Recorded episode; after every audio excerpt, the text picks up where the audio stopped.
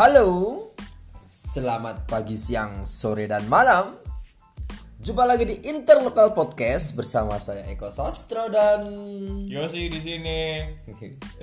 Yosi di sini dong. Yosi si Permana Putra dong biasanya. Oh Yosi Permana Putra. Iya. Ya Yosi Permana Putra di sini. Wah, gitu. Sambil makan apa ini? Ini sambil makan apa sih? Roti apa kue nih? Roti dong. Kalau kue Kue ya nggak tahu. Kue itu biasanya yang apa ya? Nggak tahu saya bedanya roti sama kue. makanya Lucu ini loh. ini gue bingung nih penyebutannya. Ini kue. roti karena bread ini. Wait, Iya. Kalau kue Kue itu cake. iya. Bola. Iya. Makan apa? Roti apa lu? Oh ini apa? Apa sih roti? The apa? Dessert Lab namanya Oh. garlic bread. Oh namanya garlic. Ini salah bread. satu produk dari The Dessert Lab punyanya The- teman kita. Iya, boleh disebut namanya? Nah, Boleh. boleh ya? Boleh lah. Boleh lah. Boleh. Siapa? Yasmin Alata. Boleh. Seorang sarjana hukum sarjana di hukum asli Jeddah ya. asli Jeddah Kairo Eh, Kairo. Jeddah Kairo bangsat. Iya, dia seorang sarjana hukum yang banting setir Untuk menjadi seorang- untuk jadi pastry. Wah, pengusaha kue. Pengusaha kue. Oke. Oke, semoga sukses lah. Kita kemarin di endorse ya Hmm, di endorse dengan bayar sekian. bayar sekian. Bangsat enggak lah. Ya kita sebagai wujud jangan jadi buat teman-teman kan yang selama ini banyak sekali mungkin kebiasaan kalau ada teman bikin apa, teman usaha apa kita minta dengan harga teman. Iya. Janganlah ya kayak gitu Atau kayak gitu. mosok karo konco bayar lah. Nah, itu lebih jahat itu lagi. lebih jahat lagi. Nah, jangan dibiasakan untuk yang seperti itu. Apalagi di kondisi yang sedang sulit seperti sekarang ini. Iya, benar banget. Mari dong, sama-sama kita support. Kalau bisa sebisa mungkin kalau ada temen yang sedang lagi ada usaha, kita bantu. Kita kalau dia lagi jualan apa, makan apa, kita belilah. Kita beli. Iya. Walaupun setelah itu kita nggak beli lagi. Jangan dong. Nanti kita brandnya rusak. iya, iya. Nggak, maksudnya ya tetap beli walaupun nanti nggak terus-terusan maksud gua Benar. gitu. Jadi kita sebaik mungkin, sebisa mungkin kita mensupport usaha teman-teman kita yang di luaran sana ya, apalagi yang sedang berjuang, struggle di kondisi yang seperti sekarang ini. Iya, benar banget. Oke. Dan sebelumnya mungkin ini atas nama Interlokal Podcast kita juga mau mengucapkan Turut berbelasungkawa. turut berbelasungkawa karena pada malam hari ini sebelum kita record untuk Interlokal Podcast edisi kali ini baru saja ada berita duka tentang meninggalnya salah satu sastrawan terkenal di Indonesia. Dan itu kebetulan adalah sas- salah satu sastrawan yang cukup saya sukai puisi-puisinya. Bapak Sapardi Djoko Damono semoga saja meninggal dalam kedamaian dan terus bisa karya-karyanya menginspirasi kita. betul kita sekali. semua. Banyak bagus-bagus keren lagi Wah, gue cuma taunya Firsa Bersari soalnya. waduh sama Tereli ya Sama Tereli. hmm terlalu kekinian sekali ya Iya. boleh lah tapi apa pun itu tidak akan membedakan kita terhadap urusan senang sastra-sastra nggak juga sih ya sih Nggak terlalu, nggak terlalu ya nggak terlalu. Cuman kayak baca buku suka suka tapi kayak baru-baru ini karena Oh. gue ngerasa karena banyak waktu luang dan ada maksudnya kalau dulu kan eh gue maksudnya nggak terlalu banyak waktu luang dan mau beli buku pun duitnya nggak ada gitu Hmm. Iya. kan nah kalau sekarang Ada waktu wak- luang, terus bisa beli buku. bisa beli buku gitu jadi kayak kayak enak juga nih gitu kan baca buku dan itu yang gue lakuin sekarang sih Tuh, anak literasi sekali literasi waduh buku. TTS Enggak dong, masa buku TTS? Primbon Enggak dong. Terus Buku resep ini, garlic bread. mau nyanyi The Dessert Lab iya, kalau gue sih gitu. Kalau dulu dulu baca buku itu kadang di e-book. ya Ah, gitu-gitu. Gitu kan cuman kayak ngerasa eh, kayak nggak terlalu menghargai penulisnya. Kalau menurut gue itu sih. Ya kalau kita beli e-booknya yang asli ya tetap saja sih. Cuma Iya. kadang memang secara apa ya kita nggak kurang aja nggak Kurang. sakral gitu loh Ah, kita kalau baca buku bentuknya ibu makanya di sekitaran kita ini di rumah saya yang kotor dan berantakan ini berserakan buku-buku. Karena sebenarnya saya ini suka baca buku. Iya ada buku undangan iya ada itu ada buku serius. Di sini sini biasanya sela-sela kursinya ada buku-buku. Mana cuk? Satu doang buku. ada di di kardus-kardus itu ada. Banyak loh. Ini kalau nggak percaya banyak buku saya ada buku besar di sini. Nah tapi nggak perlu kita buktikan ya. Iya, penonton nggak bisa Nggak bisa tahu. lihat. iya. Jadi mungkin lain kali saja lah kita bahas buku nih ini. Buku semua ini. Waduh buku paket. Bukan. Ya ada lah yang buku pelajaran juga ada. Oh cuma iya iya iya. pas zaman kuliah-kuliah kan kita tetap pakai buku nih. Tapi kalau yang yang buku-buku uh banyak loh Oke oke oke oke Bisa banyak juga. Oh berarti gue bisa pinjam ada nih. Tan Malaka ada Kid Andy ada ya buku kriminologi ada ya banyak Banyak banyak. Waduh, lu banyak Jangan- banyak juga ya buku lu ternyata. makanya saya ini sebenarnya suka baca buku cuma mungkin memang karena belakangan ini disibukkan dengan banyak aktivitas keduniawian dalam hal ini bekerja makanya ya agak berkurang intensitasnya gitu aja Iya bener banget. Karena gue dulu juga gitu waktu maksudnya kayak waktu gue kerja karena emang bener-bener nggak ada waktu gitu kan buat kayak sekedar baca buku pulang kerja capek ya udah istirahat gitu kan. Nggak mikirin baca buku dong. Iya dan semutnya kok banyak banget dong. Iya mungkin karena tadi lu tumpah kali minumnya. Enggak cuk. Oke kita sambil buang usir semut. Oh ini mungkin kali ya memancing semut nih bre. Iya. biar sana buat umpan aja ya. Waduh Iya biar semutnya ngumpul di sana Oke. Dan aduh kita nggak fokus ya. Sorry banget buat teman-teman yang masih dengerin kita. Dan Emang ada? uh, siapa tahu. Iya Dan malam hari ini sebenarnya kita nggak ada lagi-lagi nggak ada topik spesifik ya kita cuma meneruskan tradisi kita rutinitas kita untuk selalu record di interlokal podcast ini siapa tahu ini bisa menjadi kenangan kita ke depannya. Kalau kita nanti udah tua-tua kan masih ada di Spotify dulu kita pernah ngomong gini kan seru ya. Iya iya bener banget. Bisa dipamerin ke anak gitu. Iya walaupun nggak ada pendengarnya. Pendengarnya anak-anak kita nanti lah. Iya bener banget. Bagus. Oke. Malam hari ini eh, apa ya? Saya sebagai orang yang sudah cukup lama hidup di bumi ini dan dengan pergaulan yang mungkin sangat berbeda dengan pergaulan era sekarang ini saya merasa agak gimana gitu dengan apa istilah yang disebut body shaming Oke, jadi untuk beberapa kasus ini bekerja. Maksudnya sah-sah saja body shaming ini dipakai atau diterapkan dalam kehidupan. Tapi di banyak kasus sekarang itu kok kelihatannya jadi berlebihan. Kemarin ada sempat cerita begini. Eh salah satu komedian cukup terkenal sutradara juga di Indonesia Ernest Prakasa. Itu dia bikin story di eh bukan story dia bikin postingan di Instagramnya.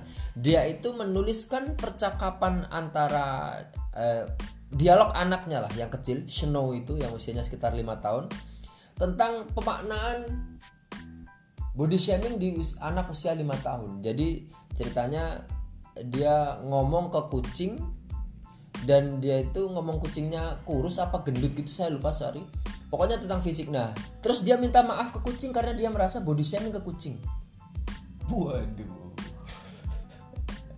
Tapi kalau menurut gue itu sih apa sudah terlalu parah banget sih menurut gue. Maksudnya kayak gak yang maksudnya konteks body shaming itu kan kalau yang secara gue ngerti gitu kan secara harfiahnya itu kan cuman berlaku untuk ya sesama manusia gitu kan. Kalau misalkan kepada hewan atau tumbuhan sepertinya gue belum pernah mendengar Jangan. emang ada kaktus tersinggung Iya. bangsa Ya, ini buktinya ada. Maksudnya orang body shaming ke iya tapi kucing. makanya Siapa tahu nanti ada yang body shaming ke tumbuhan terus dia minta maaf gitu kan. mungkin yang menjadi point of view kita itu adalah gini saking digembar-gemborkannya tentang body shaming saking diajarkannya mungkin anak kecil dijejali dengan jangan gini jangan gitu nanti ini body shaming dan sebagainya itu akhirnya ada pemahaman yang salah pemahaman yang berlebihan tentang body, Body shaming, shaming, ini ah, gitu loh maksud saya Ya itu makanya berlebihan. Masa sama Coba kucing minta Kucing maaf, minta maaf. dong. Nah, dan itu mungkin ini nggak bisa disalahkan ternyata di- yang kucingnya. bukan dong. Apanya lah yang lucu? lucunya? Nggak ada sih. Lanjut lanjut. Kita mau serius dulu ya? Hmm. oke minum dulu dong. Ini disponsori oleh siapa minumannya? Sponsori oleh ada dua. Ini satu yang gue beli sendiri. Wah, karena setiap kali ke sini tidak ada minuman. Ada. Ada. Itu kangen water. Iya mineral water ya air putih biasa dan malam hari ini special request dan akhirnya ada juga minuman rasa-rasa Oke, jadi kemba- kita kembali ke body shaming. Jadi memang yang ingin saya garis bawahi di sini adalah kenapa sih orang harus Iya, memang itu ada mungkin ada kesalahan. Di era sekarang orang pengen meluruskan dan sebagainya. Gimana orang biar tidak ada body shaming yang mengakibatkan orang yang merasa bodinya nggak perfect sesuai dengan standar ombak umumnya orang itu akan merasa gimana gimana. Tapi memang dari dulu sih sebenarnya body shaming itu Sudah apa ya? ada. eh ap- maksudnya bukan sebuah pelanggaran besar gitu. Ah, karena zaman dulu ya mungkin zaman gua kecil pun body shaming itu sesuatu hal yang lumrah gitu. Jadi apa ya? Ya sebenarnya nggak baik juga, Iya. cuma cuma dari dulu orang juga nggak masalah. Orang itu bagaimana dia bisa menerima kondisinya aja gitu loh. Jadi orang nggak akan kan kalau boleh dirasa sekarang ini banyak orang yang semakin tidak bisa menerima dia. Dia diri Iya, sendiri jadi ketika apa adanya diri dia Misalnya gitu. saya kan hitam nih. Ah, Disebut hitam gitu, katanya kan mungkin orang akan merasa dia body shaming. ah, ah, padahal ya. emang apa ya emang saya hitam. Kenapa harus tersinggung? Kan harusnya gitu ya. Iya, ya. bahkan kalau mungkin ya di pergaulan kita dulu ya nggak mungkin dari dulu. Maksudnya sampai sekarang pun teman-teman kita masih banyak yang dipanggil pendek dipanggil Ah. siapa ya? Yang biasa akrab panggilan tapi itu body shaming biasanya sih. Autis ada ya teman dipanggil apa ada. Autis ada aja jam kalau itu iya maksudnya tapi emang ya it's okay gitu. Emang kadang dia agak agak lemot aja gitu. Dan kadang melakukan hal-hal konyol gitu loh. Makanya dia di tongkrongan itu dipanggil autis sama anak-anak "Woi, autis gitu. Gate, gak lagu gitu, iya tapi dia juga yang slow-slow aja. Iya, nah itu. Makanya itu padahal kejam sekali itu. Ah. Nah, kalau saya tuh sempat dipanggil hitam iya, dipanggil kribo karena rambut saya dulu sempat saya kriboin. Saya panggilan kribo ada. Ada. Jadi biasa-biasa aja yang masanya body ada teman saya yang dari kecil sampai sekarang udah tua udah punya cucu panggilannya pendek ada.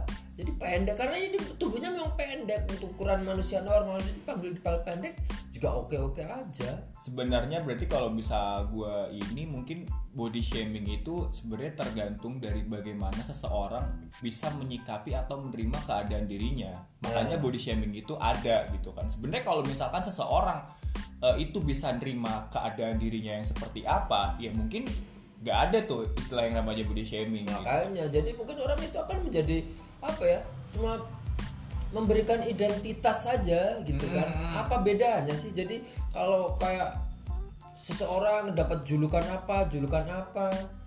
Kalau yang julukannya positifnya orang ya biasa-biasa aja toh ya. Jadi Biasa-biasa orang- aja. makanya dan kayak gitu malah kayak lebih gampang diinget tau gak sih? Makanya kalau misalkan itu di tongkrongan gitu "Wih, anjir ini si autis ke mana? Gitu kan gitu gitu. Gitu kadang suka dicariin juga gitu. Karena gue sendiri pun ya maksudnya karena gue sering di maksudnya kayak di eh, kalau lu kan dibilang wah hitam kribo lah apa ya? Teman-teman gue pun ketika eh, ngelihat gue maksudnya anjir Riz, badan lu kurus banget kurang gizi ini apa? Terus kalau misalkan karena gue bandel gitu kan orang itu taunya wah kurus banget anjir lu narkoba lu ya. Kayak gitu. Karena emang jadi asa gue tuh kan lu kenal gue emang kurus banget kan. Jadi mungkin emang kalau buat temen-temen yang nggak pernah lihat gue sekali ketemu terus kayak ngomong kayak gitu mungkin bagi orang lain ketika dikatakan seperti itu akan tersinggung atau gimana gitu kan. Tapi gue ngerasa karena ya emang kurus ya emang kurus anjir soalnya Kenapa? Iya. iya gue ngerasa badan berat badan gue itu ya di bawah normal gitu iya maksudnya kayak 50 sampai 50 5 kilo udah cuman red gitu doang Iya. nggak bisa nggak bisa lebih lebih tinggi lebih lagi lebih tinggi lagi atau lebih rendah lagi gitu kan maksudnya apa apalagi dengan eh, gua postur tubuh gua yang cukup Tinggi. tinggi, gitu kan jadi kan kalau misalkan kurus kan kelihatan banget iya gitu. iya iya karena gua ngerasa ya ya emang gua kurus anjir. Tapi kalau misalkan lu pakai narkoba ya ya, ya bodo amat terserah orang mau ngomong apa gua biasa aja. nah karena ada mas temen gua kurus gitu kan. Karena eh, dia selalu dikata-katain kurus kurus kurus akhirnya dia nge-gym. Terus? Badannya kekar dong. Serius mas. Mungkin ya mungkin sebenarnya kalau body shaming itu ada dua opsi mas. Memotivasi Ah, ah, sebenarnya kayak body shaming itu akhirnya memunculkan dua opsi dalam hidup. Antara kita akan berubah karena termotivasi atau kita akan cenderung lebih rileks karena kita bener-bener bisa nerima diri kita padanya itu. Tapi ada juga yang ini tadi ada yang orang yang merasa sakit. Iya Nah. sakit dan gak mau berubah kan anjing? makanya bangsat. Iya. Ya mungkin ya ya mungkin kalau untuk urusan yang bisa dirubah oke lah. Tapi Iya. sebenarnya kan orang juga nggak apa-apa. Ada yang beberapa kasus orang kan eh, memang ada yang mungkin maaf cacat fisik lah gitulah mungkin ya. Maksudnya fisiknya nggak sesem nggak nggak sama seperti orang lain. Kita dikasih perbedaan dengan orang lain. Yang notabene itu nggak bisa dirubah. Ya sebenarnya itu bagaimana kita menerima diri kita aja gitu loh. Kenapa sih harus sakit hati ketika dipanggil kayak gitu gitu loh? Ya ya maaf ya mungkin walaupun kita nggak ngerasain itu tapi kan banyak sih dari diri kita dirasa merasakan itu ya walaupun sekedar warna atau bentuk apa gitu boleh lah tapi nggak seberjuang itulah kita memperjuangkan tentang body, body shaming, shaming ini. itu bener banget aneh aja makanya akhirnya kan jatuhnya seperti itu sampai ke pendidikan cara mendidik pola didik kita ke anak-anak aja sampai terpengaruh sebegitunya ya mungkin itu baru terjadi di kota-kota besar sih ya. iya kalau di kita mah panggilannya tetap panggil tetap aja. aja karena kalau orang-orang tua di kampung kan ya mereka cenderung membebaskan anaknya mau main kayak gimana gitu kan. Jadi ketika di luar anaknya menghina orang lain gitu kan jadi kayak orang tua juga nggak tahu gitu kan. Nggak baper juga nggak ya. baper juga gitu kan. Iya. Terus kadang kan kalau oh iya dulu ada temen gue eh dipanggil cadel. Itu karena Hmm. emang emang dia ngomongnya cadel gitu kan terus dipanggil, "Woi, del, del, cadel, cadel" gitu-gitu gitu kan. Terus kadang dan kita pun melakukan itu ya karena kita masih anak-anak ya. Kadang di depan orang tua dia gitu kan. "Woi, cadel" gitu. "Ayo main" gitu kan. Tapi ya orang tuanya biasa aja, mungkin karena kebiasaannya udah kebentuk seperti itu mungkin. Tidak mempermasalahkan kecadelan anaknya. Oke lah, jadi mungkin buat teman-teman sana di luar sana para pejuang yang pengen berkampanye tentang menghentikan body shaming, Body ke orang-orang ya silahkan saja itu hak-hak teman-teman sekalian semua. Tapi mungkin bisa jadi referensi juga bahwasanya dari dulu banyak orang yang aman-aman saja terhadap body shaming ini gitu. Jadi ada yang ketika dipanggil dengan apa ada teman saya yang panggilannya jereng sampai sekarang juga santai-santai aja gitu Iya, sekarang masih jereng karena ya. Iya. Iya dong, kalau udah enggak kan udah ganti panggilannya. anti jereng Iya dong.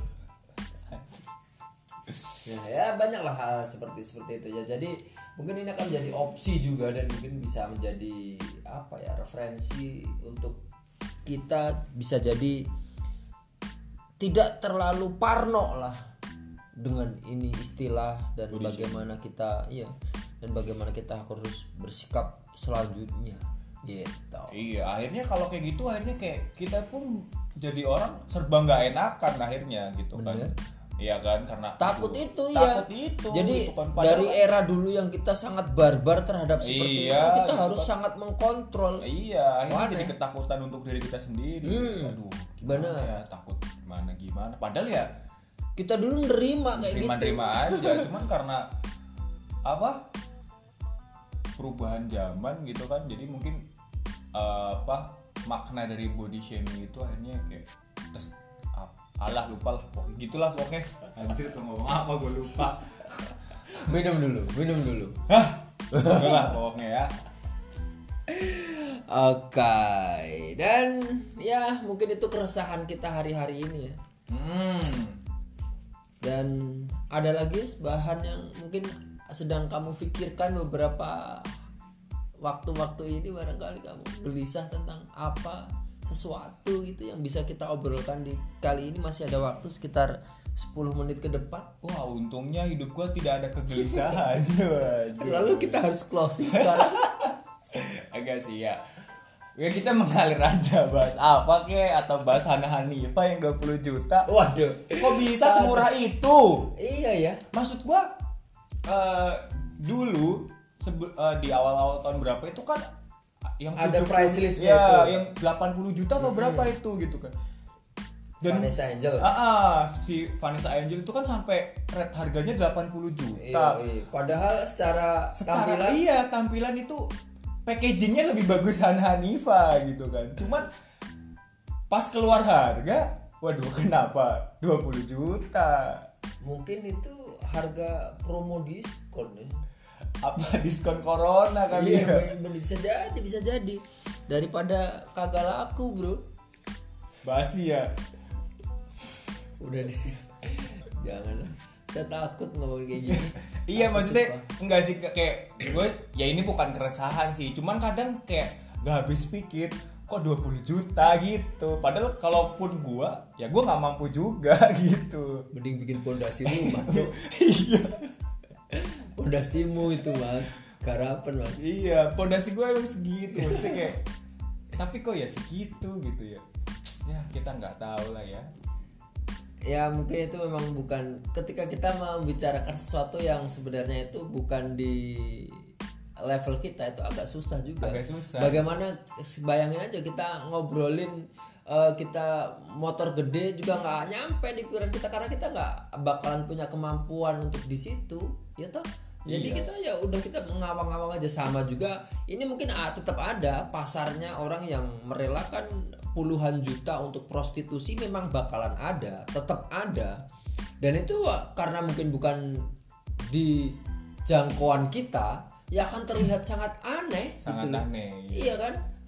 Kita 20 juta ya bener. Iya, jadi kalau gue gini, kalau gue satu sisi ngerasa eh gampangnya tuh gini kok 20 juta gitu, kirain bisa sampai harga tinggi gitu loh. Mm. Tapi di satu sisi kok ya ada orang yang mau eh, apa menikmati jasa Makanya itu itu dengan harga yang cukup tinggi gitu. 20 juta mending kita buka franchise janji jiwa dong. Iya dong, iya kan.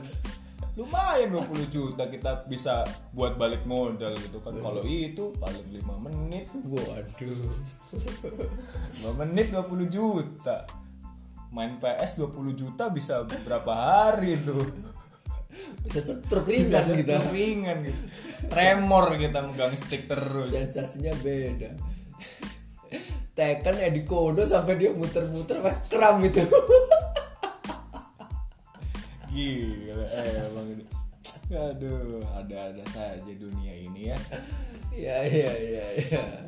Hana Hanifa ya. Serius ya, tapi saya nggak tahu loh siapa Hana Hana Hanifa sebelumnya. sama gue juga nggak tahu. Maksudnya gue gue nggak tahu. Dia ya dia artis tapi gue juga nggak pernah ngeliat di TV atau mungkin karena kita nggak pernah lihat TV mungkin ya Iya kan inisial HH saya kira HKI Hekei Hekei Hanifah. HKI Fatmawati. gue juga nggak tahu ketika muncul inisial HH katanya main artis FTV apa gitu cuman ya nggak tahu lah gitu. Tapi ya itu Setelah cukup mengejutkan. ya ternyata nggak kenal juga nggak saya. kenal juga gitu. Cuman kalau kayak gue itu kayak ini harusnya bisa mencapai harga yang lebih tinggi gitu loh. Gitu gitu. Kadang di situ ada kok bisa sih harganya segitu gitu Iya, memperjuangkan ya. iya mesti Mengkampanyekan harga yang lebih Ah, iya, standar. yang layak lah Nah, gitu kan. harusnya ada kan ini kelihatannya ren- rencananya rencananya presiden mau membubarkan beberapa lembaga yang tidak terpakai kan Iya, mungkin kan. yang terpakai itu adalah salah satunya lembaga standarisasi harga Iya, mungkin yang menentukan kualitas sesuai dengan harga. Nah. gitu. Eh, harga sesuai dengan kualitas. so. betul jadi Iya. nggak bisa dong Nggak bisa, kita jual yang ecek-ecek tapi harganya mahal Ah, ah. gitu demikian juga kita nggak bisa jual yang tampilannya bagus tapi harganya murah nggak murah itu nggak bisa gitu kasihan pasar yang tidak bisa Pasar baca gitu. ya iya maksudnya kayak ketika kita uh, bisnis atau kita dagang pun ya kita kan juga harus memperhatikan kayak dagangan kita. Misalkan kayak ini roti ini gitu kan. Misalkan dipatok dengan harga 100.000 ribu ya apakah mungkin nih satu piece nya 100.000 ribu? Kan kayak gitu. Atau apakah mungkin nih bread apa sih? Garlic bread. Dessert lab Dessert brandnya. di lab. Lab. Lab laborat lab oh lab, lab, lab. laboratorium. Iya dong. Dessert lab dihargai sepuluh ribu gitu kan nggak mungkin. Nggak secara mungkin. ini kan garlic bread ya Garlic kan? bread, yang makan the itu orang Korean. Korea gitu Emang kan. Korea harus gitu ya? Dengan soju plus yakul gitu gitu samyang. Samyang mie sedap yang iklannya Siwon itu apa sih? Iya kan nggak mungkin kan dijual dengan harga sepuluh ribu misalkan. Kita harus mempertimbangkan Iya. sebelas ribu misalnya sepuluh lima ratus lah ya kan kita harus ada ada Standarisasinya. standarisasi harga. Jadi mau mengusulkan lembaga itu? Kayaknya bagus juga gitu. Kita hanya mengamati produk dan harga dan pasar gitu kan. Jadi ini belajar hikmah dari kasusnya. Hikmah dari kasusnya Haha. ya. ternyata emang di setiap kejadian itu pasti akan ada hikmahnya. Ya inilah kita bisa belajar menganalisa pasar gitu kan betul betul ya. Semoga saja lah ya itu hikmah buat kita ya. Buat orang lain ya semoga saja yang sedang melakukan hal-hal yang berisiko dalam hidup ini sebaiknya kurangilah. Maksudnya yang resikonya kaitannya dengan pidana, kayak Pidana. gitu-gitu. Jangan jangan lah kemarin kan juga ada semakin ke sini kan semakin banyak banget para public figure yang kena kasus narkoba lah. Jangan janganlah maksud saya buat apa sih kita harus narkoba? Kenapa harus larinya ke narkoba gitu? Iya. maksudnya banyak kok pelarian-pelarian yang lain yang lebih positif gitu. Kasihan takut aja maksudnya eh, bukan kenapa kenapa jadi karena efek secara medisnya kan jelek juga buat tubuh kita apalagi efek secara finansialnya kalau pas kita kondisinya nggak punya duit lagi bokeh dan lain sebagainya itu akan sangat berat buat kita dan jatuhnya kriminal juga. Kriminal udah nyolong buat beli narkoba wah uh, pahit pahit pahit sekali pasalnya iya terus kemarin guys nggak kemarin sih baru-baru ini juga dunia pergaman waduh. Uh pergaman ya bahasanya ya. Dunia gaming lah. Dunia gaming ya kan eh, dihebohkan dengan isu yang beredar Wah, iya, ya kan? Anda kan sebagai pemain MOBA gitu kan iya kan MLBB gitu Mobile Legend bang bang tapi saya baru tahu kalau Jessica Jane itu adiknya Jess No Limit saya baru tahu itu, itu juga gue baru tahu ternyata Jessica Jane itu adiknya Jess No Limit Jess No berarti Limit. parah banget Berarti berarti parah ini. banget dong. seorang jadi karena kakaknya udah orang yang sangat sukses di game tersebut dan pacar dari adiknya melakukan hal yang sangat hina. Karena dia memang sampah dari dulu ya. Banyak teman-teman kita youtuber maksudnya pap- apa ya public public figure yang lain itu memang sering ngebahas si sosok Mas Eriko Lim yang narkoboy ini. Iya, narkoba padahal mukanya biasa aja. Jelek tuh jelek. Kalau ini body shaming enggak body shaming sih body tapi shaming. ikhlas saya. Tapi ya ikhlas. Tuntut saja udah. Iya. Body shaming ya? Iya. Iya ternyata maksudnya saya nggak suka dengan perilakunya saja. Jadi dia yang dulu kan sempet dia di penjara karena narkoba, narkoba dan si Jessica Jen ini Jen ini yang tetap mendampingi baik gitu loh tetap support. mensupport. Nah sekarang malah ah. giliran dia di luar. Dan yang lucu itu setiap postingan itu di komen-komennya lucu. Eriko Lim bego dikari, dikasih Oreo Supreme malah milih Gorio Rio bangsat sekali. Tapi emang sih kalau kalau gue pun ya maksudnya gue secara pribadi ya menilai bahwa sosok Jessica Jane itu eh, lebih lebih unggul lah ya maksudnya iya dibanding dong. si secara fisik secara Iya. attitude Iya, secara apa pun gitu. memang. Dibandingkan si siapa namanya? Listi Chan. Listi Chan gitu. Dan kadang kita nggak tahu ya apa yang kita perbuat itu hanya hanyalah akan merugikan diri kita sendiri. Dan kayak dengar-dengar itu si siapa? Eriko. Eriko Lim ini subscriber YouTube-nya itu langsung berkurang 2 juta dong. berkurang 2 juta. Ya, dari 4 jadi 2 juta. dari 4 jadi 2 juta. Belum lagi cemooh-cemoohan netizen gitu kan yang mengotori setiap sosial media Eriko Lim ya kan? Makanya anda jangan selingkuh Makanya ya maksudnya jangan melakukan hal-hal yang apa ya? Pokoknya beresiko aja lah dalam resiko hidup ini. aja gitu kan ya mungkin dia nggak sadar kalau resiko selingkuh itu bakal menghilangkan subscriber dia dia nggak tahu Oke lah dan katanya cukup untuk episode kali ini kita sudah begitu banyak bicara tentang apa yang terjadi selama beberapa hari belakangan ini. Semoga saja ada hikmahnya buat kita semua. iya dari kejadian-kejadian yang telah kita obrolin ya kan Betul sekali. menjadi pembelajaran mungkin buat teman-teman di sana yang lagi mendengarkan oh iya ternyata prostitusi itu tidak baik gitu kan Iya, Ternyata Hana Hanifah itu terlalu murah. murah ya kan iya kan ternyata selingkuh itu tak selamanya selingkuh itu indah merpati band Waduh. ya itulah ya kan Nah, nah, nah, ini gimana nyanyinya? na na na na na na na Oke lah, Eko Sastra pamit. ya si permana pamit Sampai jumpa di Interlokal Podcast edisi berikutnya. Selamat malam dan dadah. Dah.